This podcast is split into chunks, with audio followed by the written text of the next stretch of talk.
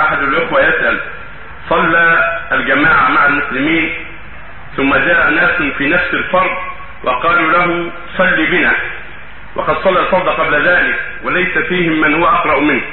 فما حكم صلاته ثانيا هذا يسأل عن من صلى مع المسلمين وأدى صلاة الجماعة ثم جاء اناس أكلتهم الصلاة وطلبوا منه أن يصلي بهم لكونه أقرأ منهم أو اعلم منهم. يعني لأمر صالح سألوه ذلك. هل يصلي بهم؟ الجواب نعم يصلي بهم.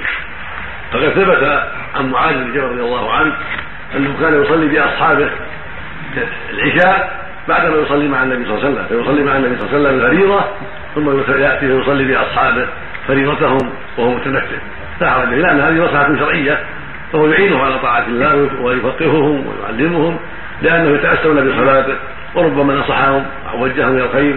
فالحاصل أنه لا بأس بذلك. وكذلك النبي صلى الله عليه وسلم في بعض صلاة الخوف صلى باصحابه ركعتين صلاة الخوف في السفر ثم صلى باخرين منهم ركعتين فصلاه الأولى فريضة لله والثانية نفل له عليه الصلاة والسلام لأنه أعلمهم وأحقهم بالامام عليه الصلاة والسلام. فلهذا امهم في الصلاتين في الأولى فرضة وفي الثانية نفلا لهم. وهكذا في أحد القولين حجه الوداع صلى بمن معه في مكة صلاة الظهر يوم النحر. ثم رجع فصلى بما في منى لم يدخلوا كانوا ينتظرونه فصلى بهم الظهر نفلا له وفرا لهم.